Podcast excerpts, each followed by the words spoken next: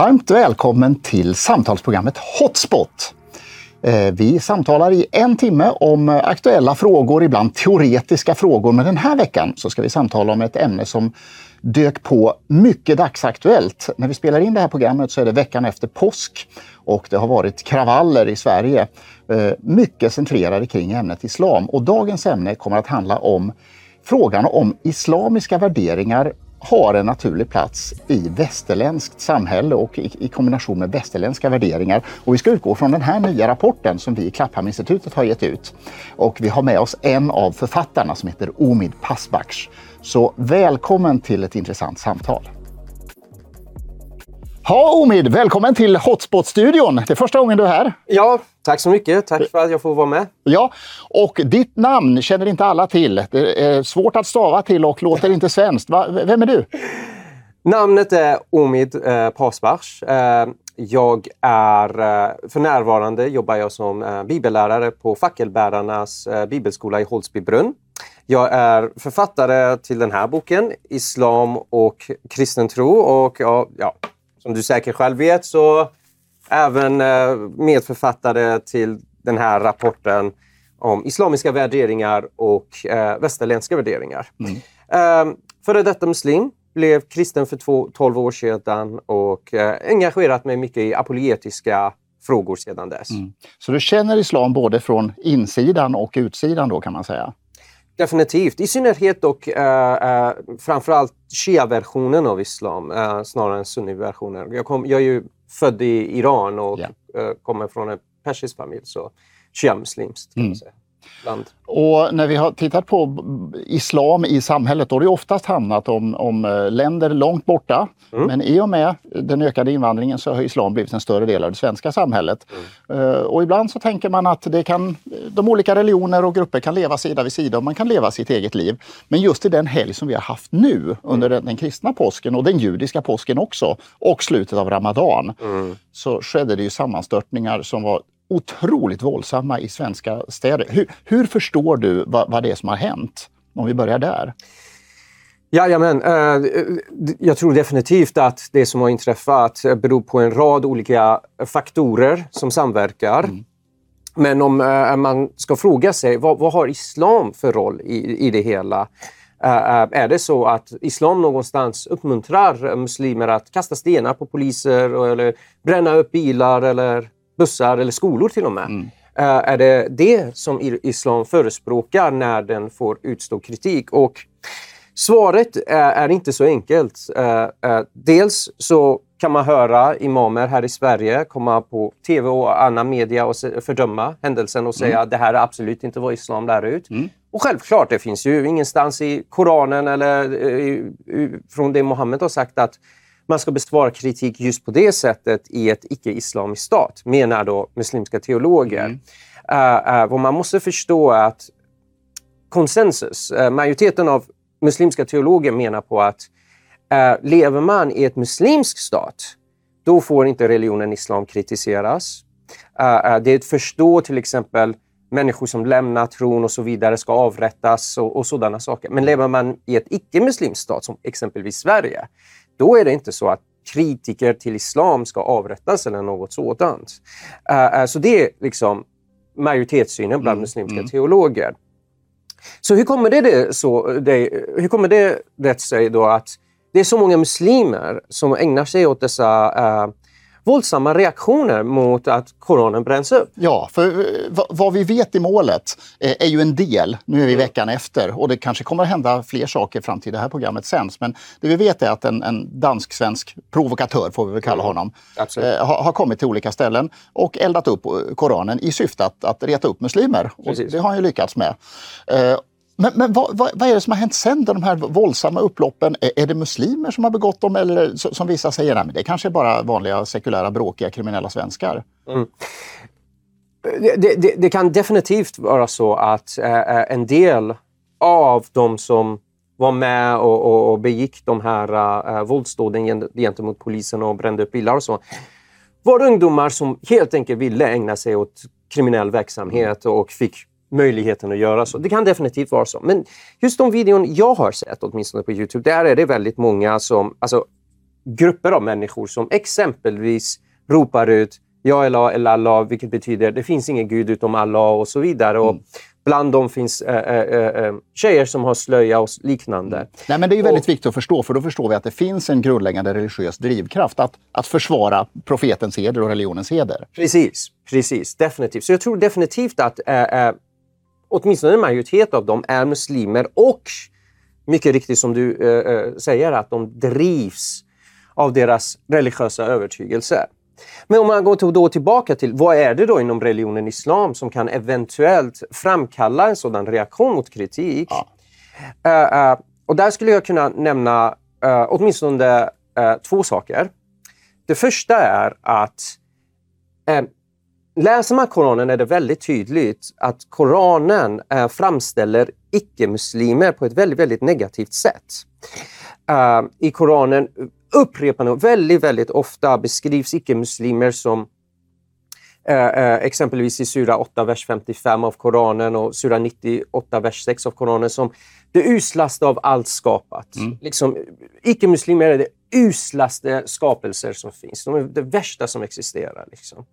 Uh, i, i, många andra eh, eh, koranställen liknas de till hundar och, som är orena inom islam och, och, och de anses vara döva, dumma mm. och, och, så vidare. Och du menar att det här ger en motivation att behandla icke-muslimer på ett, på ett visst sätt? Jag skulle vilja säga, eh, jag skulle bara vilja förtydliga att jag tror att det sker väldigt undermedvetet. Jag tror att växer man i ett religiöst muslimskt hem där, där ens föräldrar väldigt tydligt och klart talar om för ungdomar att ta avstånd från eh, hur resten av samhället är, hur människorna i resten av samhället är och så. Just för att i bakhuvudet finns det här äh, perspektivet som Koranen har gett på icke-muslimer. Mm. Och det här kommer ju in i någonstans identiteten hos de ungdomarna. Att ja, ja, vi är minsann muslimer. Vi är, vi är de retro. Vi är, vi är de bättre människorna. Medan mm. de här i övriga samhället äh, är inte rena eller, eller lika bra som oss. Och här kan man ju tycka att det är lite märkligt att de som begår våldsamma upplopp inte ger sig på honom som eldar Koranen och hädar, utan på polisen. Hur, hur ska man förklara det i det här sammanhanget då? Mm. Jo, men det är just precis som jag säger, att någonstans i bakhuvudet, inte nödvändigtvis att det är medvetet bland muslimer att de tänker på det sättet, utan de har det någonstans i bakhuvudet att de befinner sig i ett samhälle där det är vi mot dem. Mm. Vi är muslimer mm. och de, de är inte muslimer. Så islam har i sig det här att det skapar en typ av xenofobi, äh, gruppmentalitet. Det är vi Främlingsfientlighet på det sättet att de som icke är muslimer är främlingar. Definitivt, mm. absolut. Mm. absolut. Uh, just på grund av hur de beskrivs i självaste Koranen. Ja.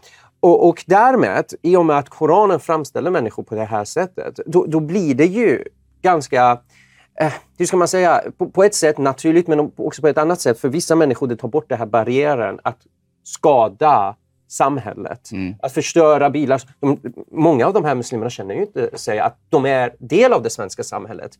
Och medan politiker och, och, och de flesta människor kanske i Sverige menar på att anledningen de inte känner sig att de är en del av det svenska mm. det är ju vårt fel. Mm. Alltså det vill säga Sveriges fel att vi inte har lyckats integrera dem. Just det. Men vad jag menar på är att det finns definitivt fel som kanske Sverige har gjort som Sverige kunde ha gjort bättre i att integrera muslimer. Men i synnerhet, framför allt, så är de inte integrerade i samhället just för att det finns bakomliggande faktorer som förhindrar lyckad integration av muslimer och där spelar islam en väldigt stor mm. roll. Och då kan vi hoppa in i vår rapport i just den här konkreta frågan. Finns det riktlinjer i Koranen och i haditerna som föreskriver att man får angripa dem som kritiserar islam? Mm, jättebra fråga. Och där, eh, eh, så, än en gång vill jag påpeka att majoriteten av muslimska teologer idag menar på att äh, kritiker av religionen islam ska bestraffas i ett muslimsk stat. Eh, Sverige är inget muslimsk stat, så, så åtminstone de teologer jag har studerat förespråkar inte att varje muslim ska själv ta, eh, strunta i lagen i landet han eller hon befinner sig i och, och ta uh, rätten i sina egna händer. Mm. Men, men däremot, däremot, än en gång går vi tillbaka till den här, vilken mentalitet skapar religionen islam bland muslimer. Alltså vilken mentalitet skapar islam i bakhuvudet på muslimerna? Och där skulle jag vilja säga att läser man om Muhammeds liv, jag menar, Muhammed, han, han tog ju och eh, beordrade mordet på sina kritiker. Du har till exempel poeten Kab bin al-Ashraf eh, som var en poet som skrev emot Muhammed och Muhammed beordrade mordet på honom för att han skrev poesi som kritiserade Muhammed. Du har Abdullah ibn Ubay som eh, bara Muhammed beordrade mordet på för att uh, han hade uh, hånat Aisha, Muhammeds fru. Uh, du har Abdullah ibn Saad som sa att Ibn Saad sa att Koranen den är inte skriven av Allah. Koranen kommer inte från Gud. Och Muhammed på grund av det beordrade mordet på honom. Mm. Och tänk dig att en from muslim som verkligen tror att Muhammed är mänsklighetens förebild, den, den, den, den de ser upp till mer än någon annan för att försvara sin ära, för att försvara religionens ära, mm. beordrar mordet på kritiker. Uh, då har han skapat någon typ av uh, uh, paradigm, alltså en situation i vilket det, det, det är rätt att försvara ära genom våld. Mm. Man måste förstå att nu är det så att heder och skamkultur som är väldigt vanligt bland eh, människor från muslimska mm. länder.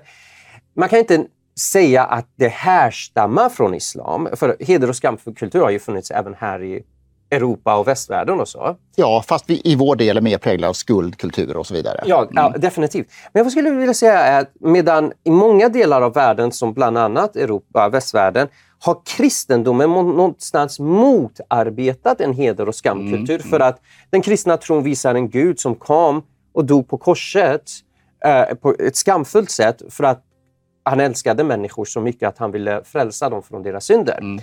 Men i islam har man inget sådant. I islam däremot så ser man istället att förebilden, det är inte någon, någon som dör för människor av kärlek. Det är någon som faktiskt tar över, som erövrar genom krig och, och, och, stoltserar sig med att vara en väldigt mäktig ledare, nämligen Muhammed. Då.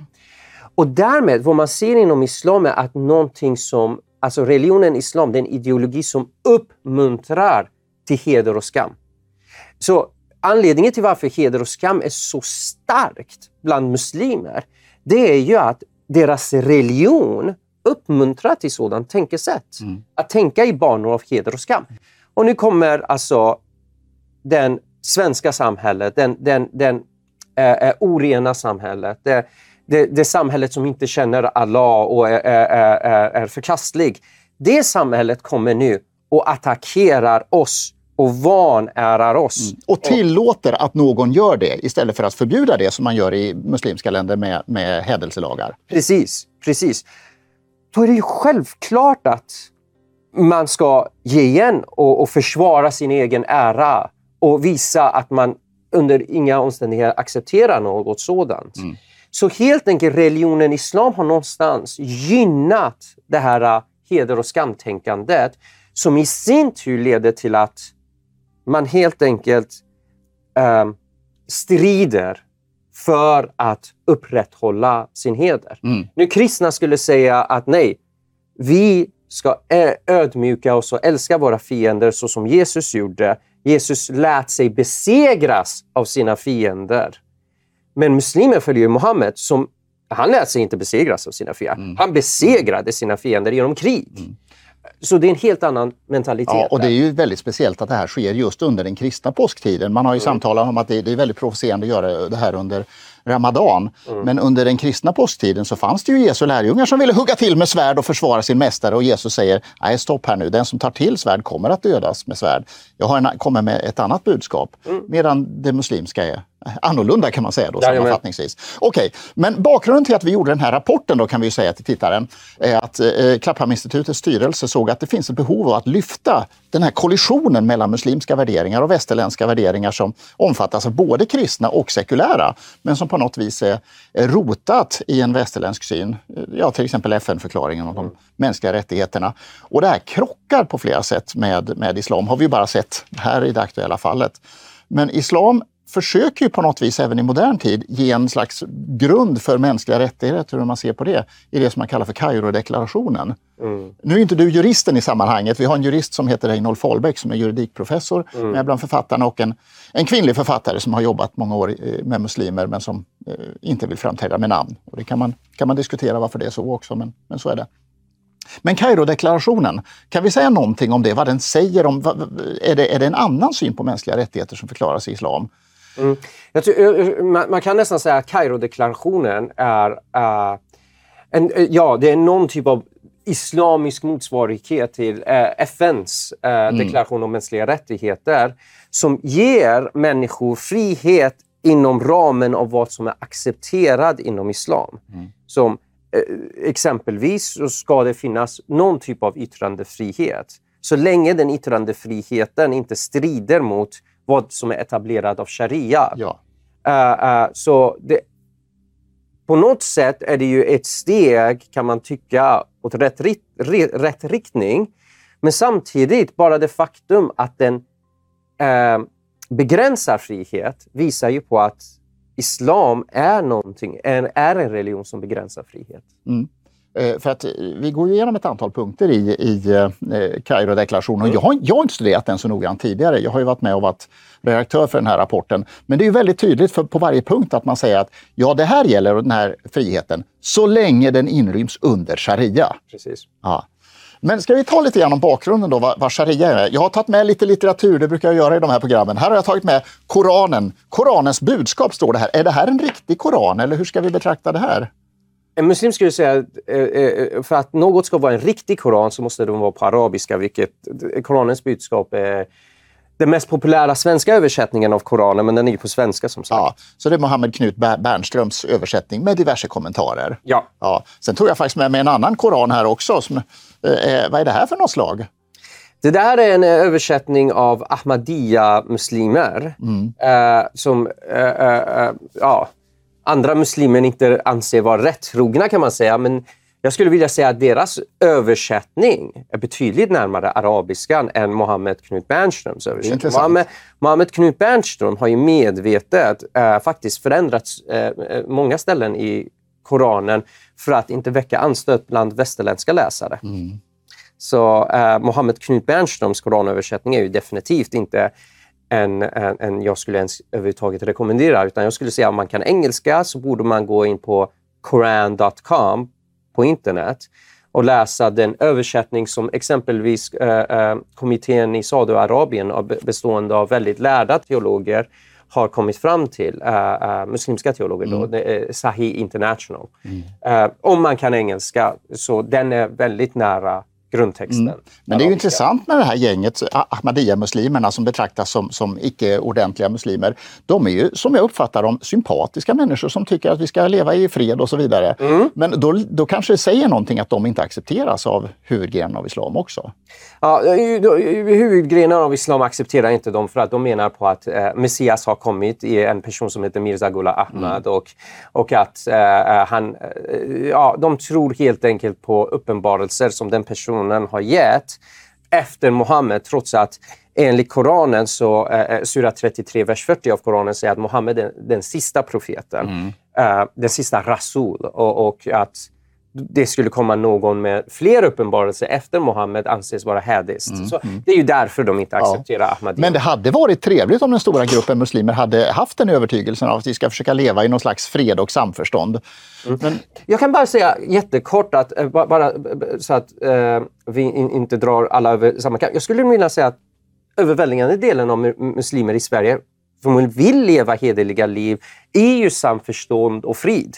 Uh, um, muslimer äh, är ofta äh, eh, eh, trevliga människor äh, som faktiskt vill leva hederliga liv. Men att religionen islam många gånger står i vägen och hindrar en, en lyckad integration. Mm. Så det är det vi försöker påvisa i den här rapporten också. Eh, just vad en bokstavstrogen islam mm, säger. Precis. Om man följer religionen till punkt och pricka så som den beskrivs i Koranen, i haditerna, i Muhammeds liv. Och då, då, gör vi det i tre områden. Det första är demokratiska fri och rättigheter överhuvudtaget. Det andra är kvinnans rättigheter och det tredje är våld och terrorism. Precis. Så ska vi, ska vi fördjupa oss lite grann i det här bakgrunden då? Vad, vad, vad lär islam? Om vi tar begreppet demokrati som sådant. Ska ett samhälle ledas av demokrati, att alla får göra sin röst hörd och så vidare, allas röst är lika värd? Mm. Eller hur, hur är traditionen? Mm. Precis, alltså, eh, eh, demokrati byggs ju verkligen på yttrandefrihet. Att alla, allas röst, mycket riktigt som du sa, eh, eh, har lika högt värde och så vidare. Och man ska kunna kritisera ståndpunkter. Man ska ju inte eh, kunna liksom kalla folk till att begå våld mot andra folkgrupper. Eh, så, sådant ryms ju inte. Eh, men, men annars kritisera ideologier. Mm. Eh, som, man kan ju tycka vad man vill om, om den här dansken som ja. har kommit och, och, och bränt upp Koranen. Mm. Jag tycker ja. förmodligen att han är en ganska osympatisk person. Och, och, du också. Men även osympatiska personer ska ju ha rätt i ett öppet samhälle att uttrycka sina åsikter. Precis, precis. Jag skulle aldrig själv någonsin vilja bränna upp en koran. Mm. Eller så. Vad, vad, är det för typ av kritik mot en religion? Det är väldigt irrationellt tycker mm. jag. Men det ska tillåtas. Mm. För det är, vi lever i en demokrati. Mm. Yttrandefrihet är otroligt värdefull. Eh, inom islam, mycket riktigt som jag tidigare eh, påpekade, så råder inte det. Exempelvis jag, eh, som det står i mitt persiska pass att jag är muslim. Mm. Men jag har ju konverterat och blivit kristen. Skulle jag nu åka tillbaks till Iran så är det så att jag bör avrättas mm. enligt sharia-lagen. apostasi, det vill säga att om man lämnar religionen islam ska man avrättas. Så jag har inte ens åsiktsfrihet. Jag har inte religionsfrihet. Jag har inte friheten att själv välja vilken tro jag vill ha och uh, uh, utöva min tro och även uttrycka vad jag tror på uh, utan att ha sådana konsekvenser i ett islamiskt mm. stat enligt sharia. Då. Men vilken är bakgrunden från Muhammeds liv och utövande som uttrycks i Koranen och i haditerna? Mm. Finns det demokrati eller är det Ja. Nej, Mohammed själv var ju en politisk krigsherre. Han tog ju över eh, i stort sett hela arabiska halvön år 630. Mm. Uh, uh, och, och, absolut inte att han på något sätt uh, förkunnade demokrati eller att han förkunnade saker som skulle ens på något sätt peka åt att demokrati är ett bra styrelseform.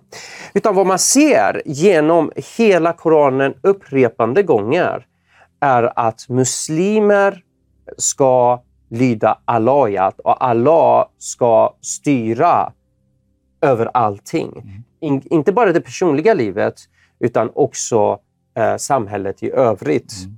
Mm. Um, och, och det, är väldigt intressant. I Sura 49 av Koran, förresten Sura betyder kapitel. Så när jag säger Sura 49, jag menar kapitel 49. I Sura 49, vers 15 av Koranen, så står det till och med att om en muslim skulle tvivla mm. på vad Allah säger, eller vad Muhammed säger, då är den personen ingen rättrogen muslim ens.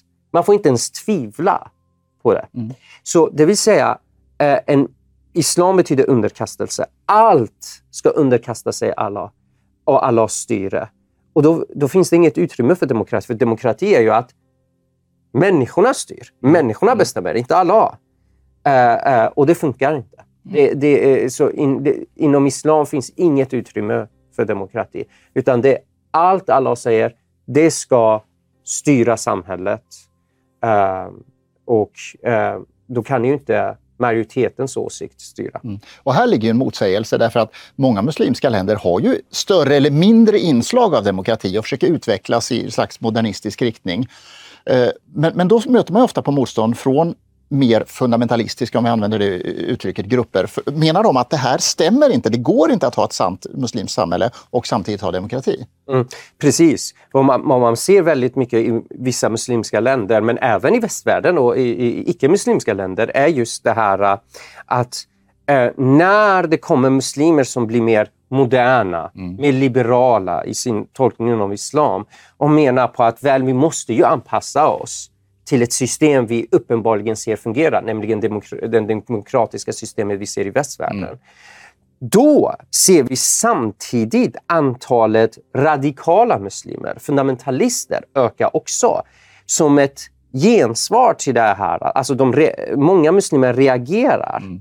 mot att fler och fler muslimer blir liberala. Så de här muslimerna blir mer och mer radikaliserade och starka i sin tro och menar väldigt klart och tydligt att nej, det, det går inte. Mm. Det är mm. fullständigt omöjligt. Man kan, man, man kan, eh, islam tillåter inte oss att eh, förespråka demokrati, yttrandefrihet, religionsfrihet och sånt. Mm. Eh, absolut inte. Mohammed var solklar i, i, i, den här frågan. Exempelvis den jag nämnde med, med religionsfrihet, att avfällingar bör avrättas. Om man lämnar islam ska man avrättas. Mm. Det går inte att säga nej, nej, vi vill förespråka religionsfrihet så alla kan ha den religionen de vill ha. Då är, Mohammed, då är Mohammed inte mänsklighetens förebild. Uh, upprepande gånger säger Koranen att muslimer måste lyda Mohammed i allt om de ska vara riktiga muslimer. Det är sura 4, vers 65, sura 4, vers 80. Väldigt, väldigt tydligt och klart. Man måste lyda Mohammed om man ska vara en riktig muslim. Mm. Så ja, uh, man ser de här spänningarna i muslimska länder. Indonesien är ett väldigt, väldigt bra exempel där mm. man ser där väldigt många indonesier är väldigt liberala muslimer. De, tar, de, kan nästan ingenting om islam och de är väldigt liberala. De tar inte religionen seriöst. På grund av det finns det fler och fler människor som blir radikaliserade och tänker nej, jag ska ta islam väldigt seriöst och bli fundamentalister. Men mm. man ser det även här i Sverige. I många i, i förorter i Sverige så ser man att eh, antalet salafister och, och, och, och radikala muslimer faktiskt håller på att öka. Samtidigt som antalet liberala muslimer också ökar. Mm. Just på grund av den här spänningen. Mm. Och det är just därför vi lyfter fram de här frågorna. Mm. För att på, på, ett sätt så, så, är man ju tacksam över när islam kan moderniseras och eh, liksom anpassa sig till ett samhälle med demokratiska fri och rättigheter. Men om det då uppstår en rörelse som motsätter sig det och gör det starkt och gör det farligt. Mm. Och det är precis det vi har sett i samhället. Mm. Eh, och det här gäller ju de liksom grundläggande fri och rättigheterna. Vi, vi fäster ju också ganska mycket tonvikt vid kvinnans rättigheter. Mm. Var ser du att de allvarligaste konflikterna finns mellan en, en bokstavstrogen islam och en västerländskt samhälle där? Mm. Ja, det, det, det, finns så mycket att säga där, men om vi börjar med det här att islam, eh, eh Koranen, genomgående beskriver män som mer, äh, äh, hur ska man uttrycka det, mer auktoritära än kvinnor. Mer, de ska ha mer auktoritet och, och, och kunna styra kvinnan mer i, i, relationer, alltså deras fruar då så att säga. Eh, man ser det i exempelvis det faktum att i Sura 4, vers 34 av Koranen så är det väldigt tydligt att män ska även ha rätten att fysiskt disciplinera sina fruar mm. om frun inte lyder sin man. Alltså slå i praktiken då? Ja, precis. Och så, och så om frugan inte lyder dig så ska du kunna slå din fru mm. för att tukta henne. Okej, okay, anta att en muslimsk, muslimer säger okej, okay, men jag utövar inte det där. Och det är ju jättebra. Men fortfarande, vad är det för mentalitet Koranen ger muslimer? Det är ju fortfarande den här mentaliteten som kommer in i bakhuvudet, i det undermedvetna, att män står över kvinnor till den nivån att de ska till och med ha tillåtelse, även om de inte utövar det, de ska ha tillåtelse att fysiskt eh, disciplinera sina föräldrar. Med andra ord att kvinnor så pass underlägsna, de är så pass intellektuellt underlägsna att män ska kunna fysiskt disciplinera dem. Mm. Det är ju ett exempel. Och då kan man ifrågasätta och säga att det här kanske bara kommer från en slags tradition, männen har tagit sig den rätten i ett patriarkalt samhälle. Men finns det stöd i Koranen och i haditerna för de här uppfattningarna? Oh ja, definitivt. Som jag nyss nämnde, uh, Sura 4, vers 34 av Koranen tydliggör att män har rätt att fysiskt disciplinera sin fru. I haditherna i Sahih Muslim kan man läsa om hur Muhammed själv slog sin fru Aisha kan, det finns flera hadither där Mohammed har sagt att äh, äh, män ska inte bli tillfrågade varför de slår sina fruar.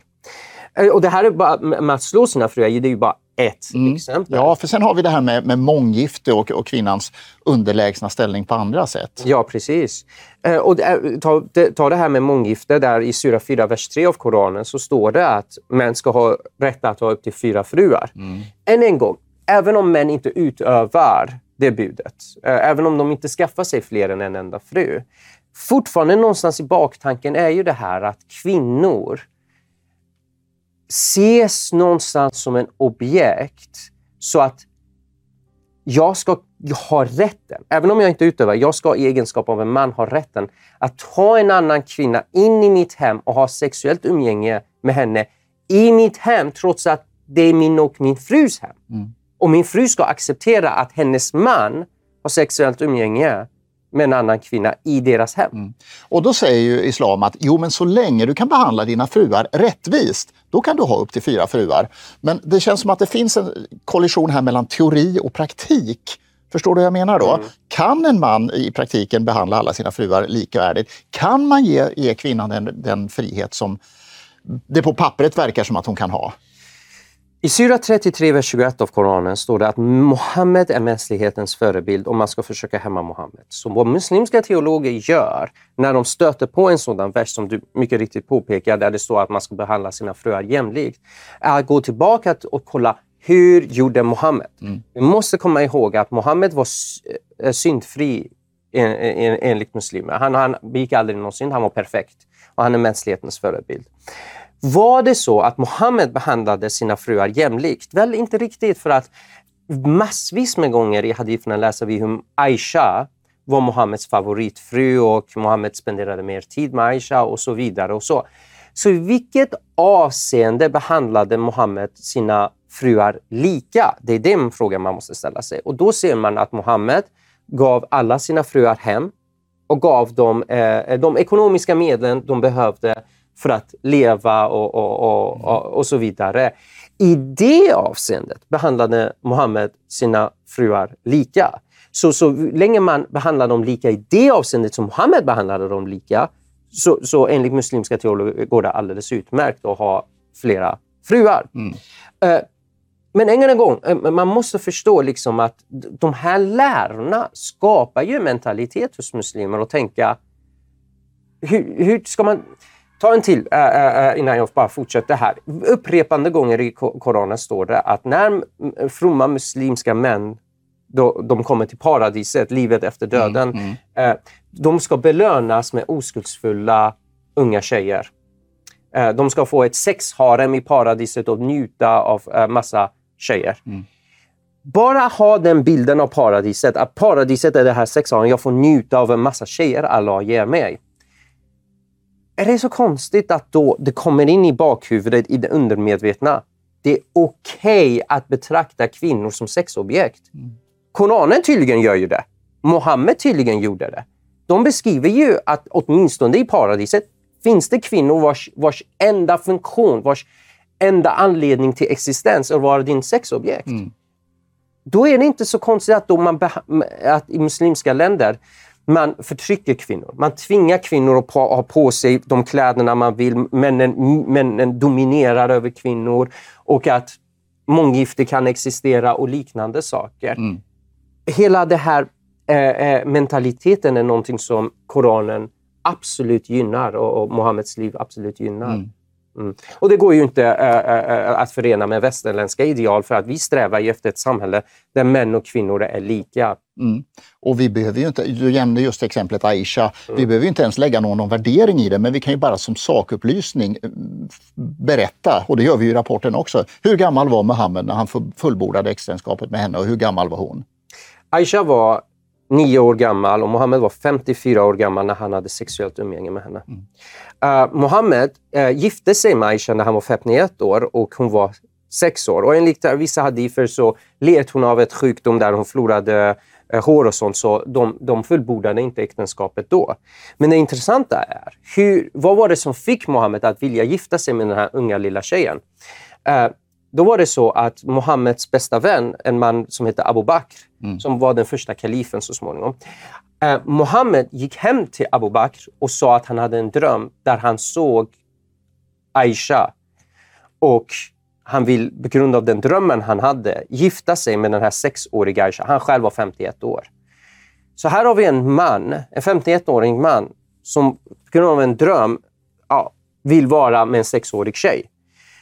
Och jag menar, varför gifter vi oss här i västvärlden? Vi gifter oss för att äh, äh, äh, vi ska ha eh, eh, eh, ett liv tillsammans med någon som är jämlik oss och tillsammans skapa ett, ett, en stabil familj och tillsammans, liksom mannen och kvinnan, verkligen uppfostra barn och så vidare och, och leva, dela liv med varandra. Varför skulle en 51-åring man vilja gifta, gifta sig med en sexårig tjej? Mm. Liksom, vad är anledningen till det? Det är inte att de är lika och kan dela livet med varandra och så. Mm. Men mycket riktigt som du säger, vi behöver inte lägga värderingar på det. Men än en gång, vi går tillbaka. Koranen framställer Mohammed som mänsklighetens förebild. Det faktum att Mohammed när han var 54 år hade sexuellt umgänge med en nioårig tjej gör så att jag kan inte åka till Afghanistan eller delar av mitt egna hemland Iran eller eh, till Pakistan eller många andra muslimska länder och kolla på de här väldigt gamla män som gifter sig med väldigt unga tjejer eh, och, och sen fördöma vad de gör. Jag kan inte göra det, för då kommer de tillbaka och säger hur kan du fördöma vad jag gör? Eh, när Mohammed, som är mänsklighetens förebild enligt Allah, gjorde samma sak. Mm. Det, det, är de två första ämnena, demokratiska fri och rättigheter, kvinnans rättigheter och det tredje handlar om våld och terror. Och vi var ju inne på det i början här utifrån de aktuella händelserna mm. där du sa att det finns en skillnad i hur man ser på ett muslimskt samhälle, där kan man göra allting mm. precis så som det står i Koranen, och ett icke-muslimskt samhälle. Hur, hur, hur uttrycks det här på fler områden? Finns det fler exempel från Koranen om det här? Ja, absolut. Alltså, vad, vad eh, många muslimska teologer gör är ju än en gång gå tillbaka till Muhammed. Okay? Och, och, och eh, en väldigt känd muslimsk teolog, eh, väldigt, väldigt, bland, förmodligen kanske till och med den känd, mest kända, är eh, Ibn Tamiya, Imam Ibn Tamiya. Och vad Ibn Tamiya gjorde var att han delade Muhammeds liv i tre eh, eh, episoder, eller hur man ska uttrycka det. Eh, tre avsnitt där vi hade Muhammed när han var i Mecka och inte hade någon politisk kraft eller någonting. Då var han bara en fridfull varnare. Han mm. varnade människor att omvända sig och tro på den enda guden Allah och lägga av med avgudadyrkan och sådana saker. Uh, sen har vi Muhammed i, i, avsnitt nummer två som är en politisk uh, ledare i staden Medina. Och då hade han sitt eget subsamhälle och, och han hade sin egen klan och muslimerna och de levde sina egna liv och blandade sig inte med andra. Eh, sen har vi Mohammed som krigsherre som erövrade hela den arabiska halvön. Och vad man måste göra då i egenskap av muslim är att säga någonstans, vad befin vilket avsnitt befinner jag mig i? Mm, mm. De flesta muslimerna i västvärlden befinner sig i avsnitt ett. De är, de är inte tillräckligt många för att börja engagera sig politiskt och, och, och kanske skapa sina subsamhällen. Nu kan man säga att Jo, det är de i vissa delar av Sverige och inte bara Sverige givetvis. Tyskland, England och så mm. vidare. Mm. Så ser man att muslimerna i avsnitt nummer kanske två, de börjar komma dit där de börjar skapa sina egna subsamhällen, inte integrera sig med resten av samhället, utan faktiskt följa sharia i de här subsamhällena mm. i förorterna de befinner sig i. Uh, uh, men de flesta muslimerna skulle befinna sig i avsnitt nummer ett. Och, och enligt muslimska teologer, när man befinner sig där, när man inte har politisk makt och så vidare, man ska inte gå ut och strida eller, eh, eller kriga eller så. Det var för att när vi kollar på Muhammeds liv, det var först när han hade tillräckligt många anhängare som han började verkligen kriga och erövra Saudiarabien. Mm. Uh, exempelvis den uh, sista långa suran, som, uh, alltså kapitel i Koranen, då, den sista långa suran Muhammed uppenbarade är sura Al-Toba, eh, vilket är sura 9 av Koranen. Läser man sura 9, det, det är den mest våldsammaste suran som finns mm. i, i, hela Koranen, där eh, Muhammed till exempel väldigt tydligt och klart säger i eh, verserna 28 till 29 att man ska strida tills alla människor erkänner islam som den sanna religionen. Mm. Uh, inte för att skydda folk eller, eller eh, självförsvar. Nej, så att människor erkänner islam som den sanna religionen. Eller för eh, kristna och judarnas del, som är, vi är ju monoteister enligt Koran, mm. uh, handlar det om att betala en extra skatt som heter jizya. Uh, uh, ett typ av skyddsskatt och vara andrahandens medborgare i den islamiska staten. Mm. Så muslimer ska enligt muslimska teologer då, inte ägna sig åt strid och krig och sådant i västvärlden, för de är inte tillräckligt många att göra något mm. sådant. De är i avsnitt nummer ett, kanske i vissa delar av västvärlden börjar komma till avsnitt nummer två där de ska skapa sina egna subsamhällen och följa sina egna lagar. Mm. Men de flesta befinner sig i avsnitt nummer mm. ett. Så du menar att när muslimer idag säger, och det får man ju vara glad för på något vis, att vi är inte för våldsutövning och så vidare och terrorismbrott, så är det för att man befinner sig i den fasen. Menar du att en bokstavstrogen muslim skulle uttrycka sig på annat sätt om islam kommer i majoritet i ett samhälle? Det är en väldigt, väldigt bra fråga. Jag skulle säga att gemene muslim, de vanliga muslimerna, eh, alltså,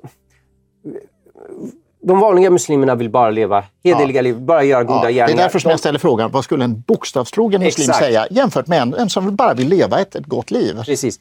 Uh, så gemene muslim kanske inte ens tänker i dessa banor. Men vad gäller uh, uh, de här bokstavstroende, de som är mer fromma muslimer som engagerar sig väldigt mycket i religionen islam och bryr sig väldigt mycket om religionen islam. De skulle definitivt säga att ja, jag vill att Sverige ska styras av sharia-lagar. Det är klart jag vill det. Sharia är från Gud. Det är klart att sharia är bättre än demokrati. Eh, det kommer ju från Gud, men demokrati kommer från människor. Eh, eh, varför skulle jag någonsin föredra människors perspektiv framför Guds perspektiv? och så? så och det ser man ibland på statistik. Det har ju gjorts mycket statistik kring hur olika muslimer i, i olika uh, europeiska mm. länder anser om sharia och där till och med en majoritet ibland vill ha sharia. Mm. I Sverige är någonstans runt 50 procent av muslimerna enligt statistik som vill ha sharia. Samma siffra hittar man i Frankrike. I Storbritannien är det till och med lite mer. Och då är det så att just nu, de här fromma muslimerna, vad de gör är att de inser att de inte befinner sig i en sådan situation där de kan etablera sharia i Sverige eller något annat land. Och därmed så gör de som Mohammed gjorde. De bara predikar islam, omvändelse, sluta med gudadyrkan, kom till den sanna religionen. Någonting som kallas för dawa. De utför dawa. De kallar människor till islam. Mm. Men de samma människorna inser också att i vissa delar av Europa har vi kommit till avsnitt nummer två. Vi ska skapa våra subsamhällen. Det är rätt av muslimer att inte integrera sig i resten av samhället, och, utan vi ska följa så långt det går islam i de subsamhällen, de här förorterna vi befinner oss i. Uh, våra kvinnor och män, till exempel i äktenskapsfrågor, ska inte vända sig till svenska rättegång och, och, liknande, utan de ska vända sig till imamer mm. och så i moskén. Och där ska uh, helt enkelt eh, imamen avgöra vad, vad som ska ske i den, det äktenskapet mm. eller vilken väg man ska gå och sådana saker. Eh, eh, så ja, de skulle definitivt vilja se mer och mer att muslimer slutar integreras i samhället och följa islam mm. mer. Det, det, är många motsägelsefulla saker i, när man studerar islam på det här sättet. En sak ligger ju att i västerländskt samhälle, framförallt Sverige kanske, så, så har man en tendens att så långt som det är möjligt framställa islams positiva sidor. Mm. Klart att det finns det, det finns det ju alla ideologier. Och framställa islam som en rörelse som är på väg liksom och vill, vill anamma frihet. Hur, hur kommer det sig att de här bilderna kolliderar så mycket? Mm. Um, djupt in i det svenska uh, uh, tankesättet är, är ett väldigt uh, socialistiskt sätt att tänka på. Det vill säga att Alltså socialism har haft en, en väldigt djup en påverkan på hur svenskar tänker och sånt. Det, och, och, och, socialism säger ju att eh, grunden till alla konflikter i samhället är klasskamp. Mm. Det, vi har de rika, privilegierade människorna, oftast vita heterosexuella män, som är, är, är, är, rika, som förtrycker de fattiga minoriteterna, de utsatta människorna. Mm. Okay? Och, och, idealet är att motverka, eh, motverka de här klyftorna i samhället och, och, få alla att ha det lika bra. Eh, nu, den här ideologin har varit väldigt, väldigt stark i Sverige genom väldigt, väldigt många år.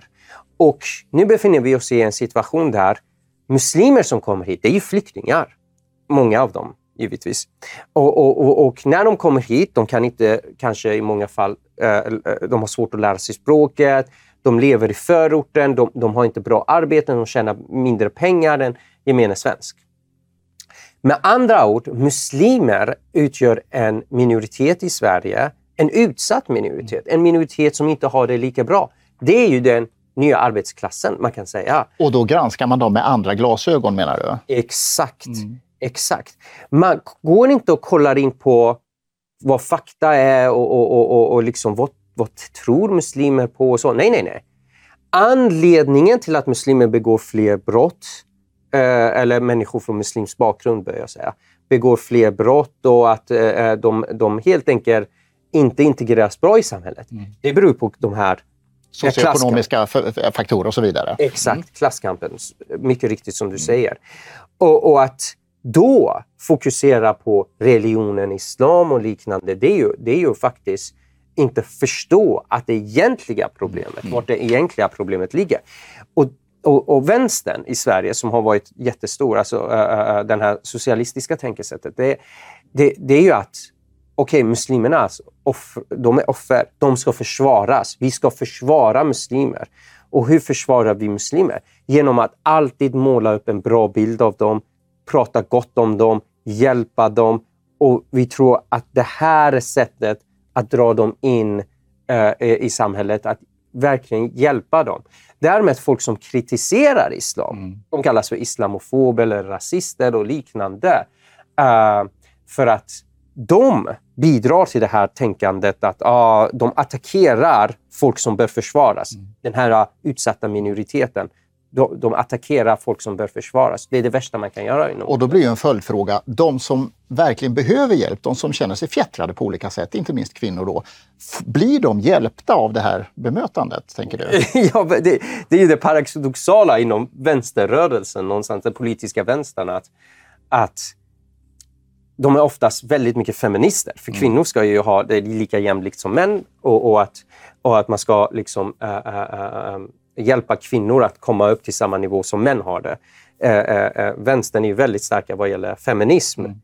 Men de vägrar ju, i många fall åtminstone, kritisera det faktum att unga tjejer tvingas ha på sig hijab, det vill säga slöja och, och, och, och liknande, bara för att de är tjejer. Det hör man knappast någon, från, någon politiker från vänstern exempelvis kritisera. Mm. Uh, uh, eller andra saker som vi har nämnt angående kvinnor inom islam. Det kritiseras inte, för, för det är en minoritet. Så det är en väldigt paradoxal situation mm. vänstern befinner sig i, det, det, onekligen. Mm. Eh, jag tänkte att många kanske sitter och funderar på dig och din bakgrund och din väg genom livet. En del lämnar islam därför att de finner islam alltså mot, motbjudande på olika sätt. Och en del gör det för att man attraheras av någonting i en annan religion. Kan du berätta någonting kort om vad, vad var det som gjorde att du lämnade islam och kom in i en annan relation med Jesus mm. i centrum? Eh, jag började eh, gå till moskén och, och, ta islam seriöst efter, när jag började universitetet och, och i början av den tiden. Och, uh, det var ungefär under ett årsperiod, ett och ett halvt årsperiod som jag gick med min mor till moskén och så vidare. Och jag läste Koranen varje kväll mm. och började sätta mig in i det väldigt mycket. Um, och det som fick mig personligen att, att ta avstånd från islam, det, som sagt, det skedde inte över en natt, mm. utan det var en lång process. Men det var att ju mer jag studerade islam och Muhammeds liv, desto mer det, det, det, jag tyckte att det var ologiskt och, och, och det, var, det förefallde mig verkligen vara väldigt tydligt från Koranen att Muhammed kom med uppenbarelser vars enda syfte var att försvara honom. Mm. Uh, så exempelvis om du skulle idag läsa sura 33 av Koranen, vers uh, eh, 37 till 38, så är det exempelvis ett avsnitt i Muhammeds liv där han hade gått till sin sons hem, men hans son var inte hemma utan hans sons fru Zainab uh, öppnade dörren och Muhammed fick se Zainab utan slöja och så vidare. Och Muhammed började lusta efter hans sons fru. Mm. Och hans son fick veta det, skilde sig med sin fru Mohammed gifte sig med sin sons fru uh, och, och, och Sura 33, vers 37-38 handlar om hur det var Allah som ville att Mohammed skulle mm. göra mm. det här och ingen ska kritisera Mohammed för att ha gjort något sådant mm. och så vidare. Och du fick en känsla av att det, är det här riktigt gott? No, ja. första hand inte att det var, huruvida det var riktigt gott. Det var snarare, det här är så tydligt att han har bara hittat på det här för att mm. försvara sig själv. Och det här var bara ett exempel. Och sen så var det massa, som vi har diskuterat här moraliska aspekter om Mohammed som mm. förefaller mig vara moraliskt helt enkelt mm. förkastliga. Mm. Och då får jag ju intrycket, du har ju själv skrivit en bok om det, att mm. det finns en skillnad mellan islam och kristen tro och jag antar att du upplever en skillnad i religionsstiftaren mellan Mohammed och Jesus till exempel. Ja, ja onekligen. onekligen. Och inte bara Mohammed och Jesus, även Allah och, och den kristna guden överhuvudtaget. Där, där Allah uh, beskrivs som en monad, det vill säga en enda person som är allsmäktig och måste tillbes och liksom är väldigt, väldigt en. Uh, det, var någonting som var väldigt viktigt inom islam mm. när jag växte upp. Att, liksom, fick, en av de mest berömda surorna i Koranen är Sura Al-Ikhlas, sura 112, som lyder att, som säger uh, Bismillah ar-Rahman ar-Rahim, Rollo Allahu Ahad, Ahad, Allah en, Allahu Samad, Allah en, en. Det upprepar Allah en. Mm. Uh, um, och, och det, det, fortsätter med så här, Lam yalad walam yulad. Uh, uh, Allah har inte har någon son eller ingen kommer från. Allah är en, en. Men om Allah är en så, så är liksom den här självcentrerade existensen det högsta goda. För Gud är det högsta goda. Om Gud definieras av självcentrerad existens som vill bara ha tillbedjan, då är det det högsta goda. Att vara den här ärofyllda en som vill bara ha tillbedjan, det är det högsta goda. Men i den kristna tron, vad ser vi där? Vi ser en Gud som älskar mänskligheten så mycket. Han kommer och offrar sig själv på ett kors. Och genom korset ser vi vem Gud verkligen är. Och Gud definieras inte av att vara självcentrerad, utan att ha självuppoffrande kärlek. Och vi plötsligt förstår att självuppoffrande kärlek är det högsta goda. Mm. Eh, det är två helt vitt skilda bilder av vem Gud är, vad det högsta goda är, vad vägen är. Det, det är två helt olika religioner med helt olika gudar och helt olika vägar också. Mm. Om vi ska avrunda det här samtalet, vi börjar närma oss slutet på vår timme, mm. då har vi gjort den här rapporten, inte bara för att upplysa och säga titta här vad, vad Koranen och haditerna säger, utan vi, vi, vill ju skicka med läsaren och samhället någonting. Kan du skicka med även de som tittar på det här tv-programmet, vad är våra rekommendationer och slutsatser i den här rapporten? Eh, jag skulle framförallt vilja säga att uh, uh, den kanske främsta anledningen till den här rapporten, det är ju att väcka diskussion. Vi, vi, det, vi, vi, tycker det är jättebra att jag och du diskuterar här och att folk kan lyssna på oss. Men jag hade gärna velat ha den här diskussionen även med en muslimsk imam. Mm. Att den muslimska imamen ska kunna försvara eh, hans religion eller ja. något liknande. Eh, att det ska överhuvudtaget i media, i samhället i övrigt vara diskussion. Vi har hela tiden sagt i Sverige att anledningen muslimer inte integrerar sig på grund av språk och liknande och sånt. Vi måste bara hjälpa dem, hjälpa dem, hjälpa dem, så kommer de in. Uh, men vad har vi sett i själva verket? För det första, vi har märkt väldigt mycket otacksamhet. Väldigt många muslimer har flytt undan sina liv. Vi har tagit hand om dem, vi har gett dem pengar, vi har gett dem hem, vi har gett dem gratis sjukvård, gratis skola. Och de har inte svarat med att vara tacksamma. Varför? Det finns något inom islam som gör så att de kan inte vara i en sådan ställning gentemot icke-muslimer, nämligen i en ställning där de är tacksamma och, och, och vill bidra till ett icke-muslimskt samhälle. Varför diskuterar vi inte detta? Vi måste diskutera de här faktafrågorna. Eh, och det är bara ett exempel. Vi måste diskutera hur islam ser på kvinnor och så vidare och mm. inse att eh, religionen islam som ideologi har en stor påverkan på människor. Mm. Och, och, och, den påverkan måste vi kunna diskutera öppet i det svenska samhället. Och hur ska vi ta upp det? På vilka arenor behöver det här lyftas tydligare? Och i, i synnerhet då, uh, uh, handlar det om uh, tidningar, tycker jag personligen. och, och även sådana här tv-sändningar där folk som har studerat islam diskuterar dess innehåll med imamer och liknande. Men även i skolor. Mm. I, i, när jag personligen gick i skolan och så minns jag att när islam beskrevs så beskrevs den som för det första så beskrevs den som det var en fortsättning på de abrahamiska religionerna. Som om Ja, ja, det är ju självklart att Mohammed kom efter Jesus och pratade om samma Gud som Jesus pratade om och det var samma budskap. Det var bara självklart. Och sen att bara endast de goda delarna av islam typ lyftes fram. Nej, nej. Jag tycker att även redan i skolan måste vi säga, här är de västerländska idealen. Här är de mänskliga rättigheterna enligt FN. Här är de muslimska idealen. Här är värderingarna som kommer från religionen islam, från dess urkunder. Och det är väldigt tydligt de går inte ihop. Och det är ju en jobbig diskussion att ha i ett samhälle. Att här kan det kollidera, kan det vara ett kulturellt krig. Vad skulle det kunna leda till för något gott att faktiskt lyfta fram det här? Eh, det är ju att för det första, vi förstår varför det har varit så svårt att integrera en, en, en, många muslimer i det svenska samhället.